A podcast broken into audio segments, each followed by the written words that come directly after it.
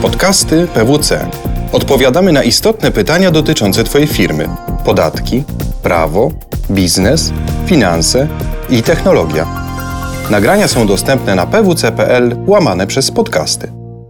Dzień dobry. Witam w nowym odcinku podcastów PWC. Nazywam się Jakub Gołębiowski i zapraszam Was do odsłuchania audycji, w której zadam trzy ważne pytania związane z MSSF 16 i największymi wyzwaniami, jakie powstają w związku z tym dla firm.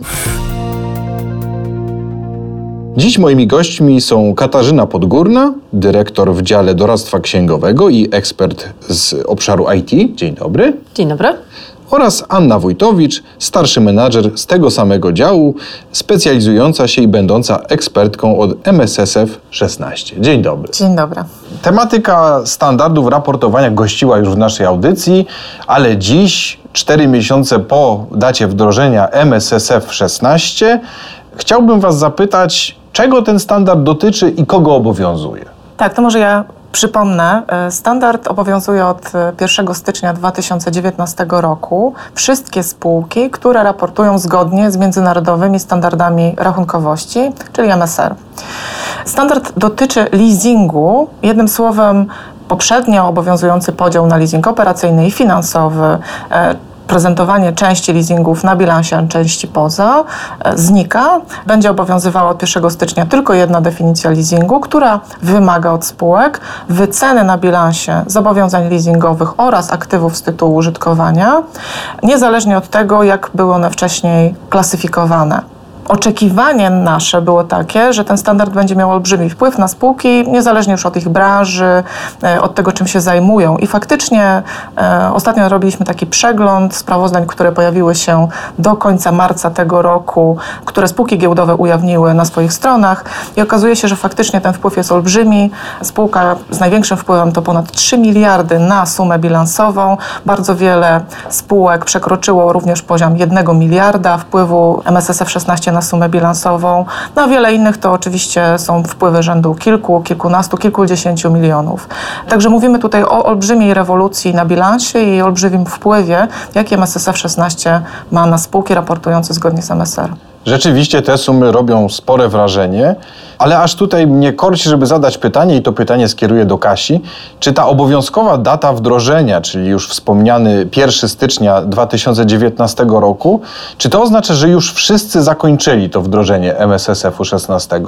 E, dobre pytanie, oczywiście, że nie. Jak to bywa w praktyce? Mamy dobrych parę przykładów. Wielu klientów, którzy odrobili tą pracę domową i tematem wdrożenia MSF 16 zajęli się wystarczająco wcześnie, żeby można było powiedzieć, że dzisiaj są prawie gotowi. Ale jest też wielu takich, którzy dopiero teraz rozpoczynają ten proces i wspieramy ich w tym trudnym zadaniu. E, musimy też pamiętać o takich klientach, którzy nie są klientami giełdowymi tu w Polsce, e, raportują według MSSF-ów na potrzeby grupy. Ci właściwie dopiero przymierzają się do zajęcia się tym nowym standardem, więc przed nimi jeszcze kilkumiesięczny proces. A jeżeli myślimy o tych, którzy już zakończyli e, etap implementacji, jak sobie z tym poradzili? To jest pytanie, które kieruję do Was obu. Poradzili sobie bardzo różnie, ponieważ wpływ standardu na różne spółki był różny, tak jak wspomniałam na samym początku. Mhm. Długość e, tych procesów wdrożeniowych, e, z mojego doświadczenia, to było od kilku tygodni do nawet kilku miesięcy i bardzo często nadal ten proces trwa. Dlaczego tak jest? Ponieważ e, obejmują często setki, tysiące kontraktów, obejmują również zadania księgowe, rachunkowe, bardzo trudne tematy szacunków.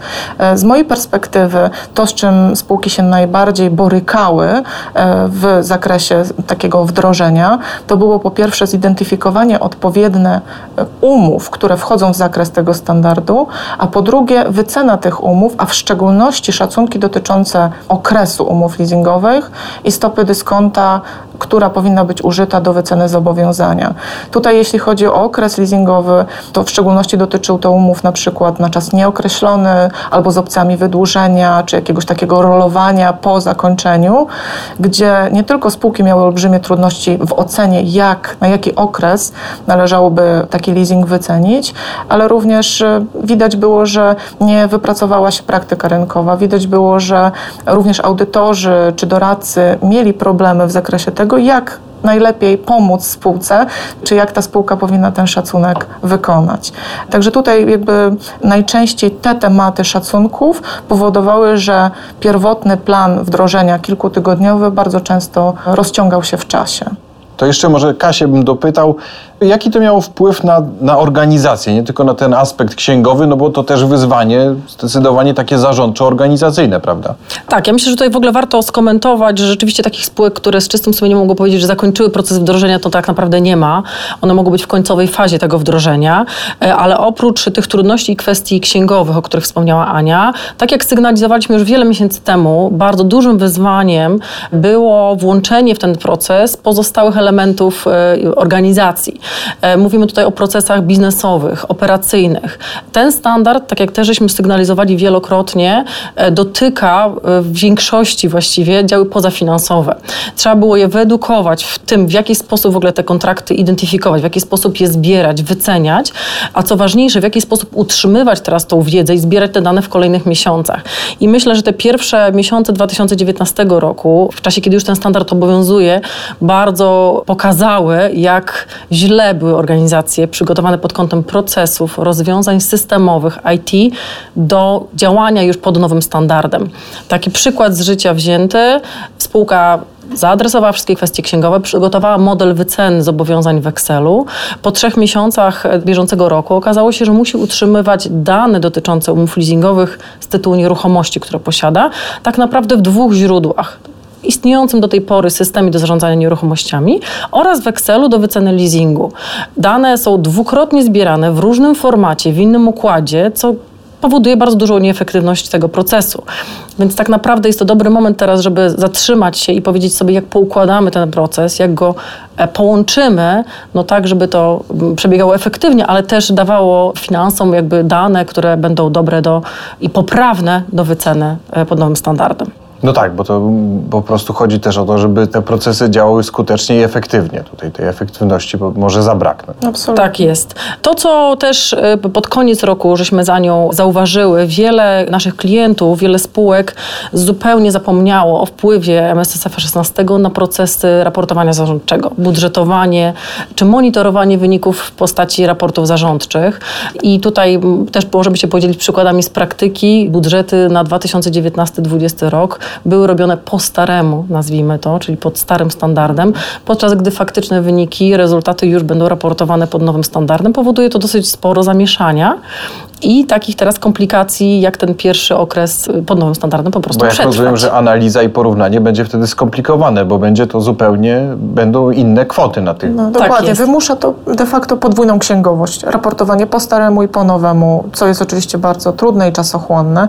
No i spółki powinny dążyć do tego, żeby unikać takich sytuacji, ale de facto nasze doświadczenie wskazuje, że ten rok 2019 będzie okresem podwójnego raportowania jeszcze przez spółki. Wszyscy będą jednak patrzeć historycznie na MSR 17 stary i porównywać to do wyników, które widzą pod MSSF 16. No to w takim razie takie pytanie na koniec, co dalej w takim razie? Czy ci, dla których ta droga wdrażania się już kończy, ci, którzy tak jak Kasia mówiła, są już w tej końcowej fazie i zaraportowali już pierwszy kwartał 2019 roku, no czy oni mogą spać spokojnie, czy tutaj, y, biorąc pod uwagę te podwójne działania w całym roku, wciąż stoi przed nimi szereg wyzwań? Ja myślę, że ci, co zamknęli już pierwszy kwartał, to e, raczej spokojnie nie śpią, bo mają świadomość właśnie wyzwania, które dopiero przed nimi. Moja rada byłaby taka, popatrzmy po pierwsze na procesy. Nawet jeśli żeśmy je e, zaprojektowali i wdrożyli, przyjrzyjmy się im, czy działają efektywnie, czy na pewno spełniają swoje zadanie, czy kontrole wewnętrzne, które zostały wdrożone, odpowiadają tym zapotrzebowaniom nowego standardu i czy też nie blokują e, procesu zamykania miesiąca i tych procesów operacyjnych. Po drugie, przyjrzyjmy się także rozwiązaniom IT. To jest dobry moment wiele spółek wraca do nas teraz e, po miesiącach pracy na Excelu, przyznając, e, to nie jest rozwiązanie, na którym da się docelowo e, raportować zgodnie z MSSF 16. I jeszcze w nawiązaniu do tego troszeczkę, co to Ania wspomniała, no na pewno jakiś plan trzeba przygotować na odejście od tego dwutorowego raportowania, co może wiązać się, że trzeba będzie zdefiniować nowe KPI. -e nowe wskaźniki oceny biznesu i wyników biznesowych, tak żeby ten MSSF 16 odzwierciedlić i, i nie trzeba było podwójnej księgowości prowadzić. Tak, absolutnie. Ja bym od siebie dodała jeszcze kilka porad na przyszłość. E, wiemy, że to dopiero początek. 2019 rok jest takim rokiem, gdzie spółki będą przyglądały się nie tylko sobie, ale też innym i będą patrzyły na to, jaka będzie praktyka rynkowa w zakresie e, oczywiście szacunków, o których wspomniałam. E, wyobraźmy sobie sytuację, gdzie mamy dwie spółki, które mają bardzo podobny portfel umów, jeśli chodzi o, ich ilość. Jedna dokonuje szacunku trzyletniego, a druga dokonuje szacunku dziesięcioletniego, jeśli chodzi o takie same umowy, na przykład na nieruchomości. To będzie oznaczało, że ich wyniki będą absolutnie nieporównywalne, zarówno bilansowo, jak i w rachunku wyników. E, nie wiemy do końca, jak na to będą patrzyli analitycy, w jaki sposób analitycy chociażby będą sobie radzili z tym, e, że będą spółki bardzo podobne, z podobną działalnością, ale z zupełnie innymi wynikami e, prezentowanymi na bilansie czy w rachunku wyników w zakresie MSSF 16, co oznacza, że właśnie powstaną takie KPI nowe, jak na przykład EBITDAL, czyli EBITDA skorygowana efekt leasingu tego MSSF 16. No i być może okaże się, że jakieś dodatkowe ujawnienia będą potrzebne, że będzie reszacowanie potrzebne, korekta e, dotychczasowych założeń i szacunków jeszcze w tym roku albo w roku kolejnym. Także to będzie taki bardzo gorący okres, ten 19 i 20 rok, kiedy rynek będzie sprawdzał, w jaki sposób to MSSF 16 jest pokazywane i w jaki sposób powinno, czy chcemy, żeby było prezentowane. Także jeszcze najgorsze, wydaje mi się, yy, najwięcej pracy może być nawet przed nami, a nie za nami. To może, żeby jakoś tak zakończyć bardziej optymistycznie, bo tu powiało nieco grozą, możemy powiedzieć tak, że będziemy się tej tematyce jeszcze przyglądać, będziemy się przyglądać tej praktyce rynkowej, no ale nie zabraknie nam tematów do kolejnych spotkań, dlatego z pewnością jeszcze do tematyki MSSF 16 wrócimy wrócimy. Tymczasem bardzo dziękuję za wysłuchanie tego odcinka, a Kasi i Ani za ciekawą rozmowę. Dziękujemy, Dziękujemy bardzo. Podobał Ci się odcinek? Podziel się z innymi oraz śledź nasze kanały. Więcej podcastów PWC znajdziesz na stronie pwc.pl ukośnik podcasty oraz w aplikacjach iTunes i Google Music. Do usłyszenia w kolejnym odcinku.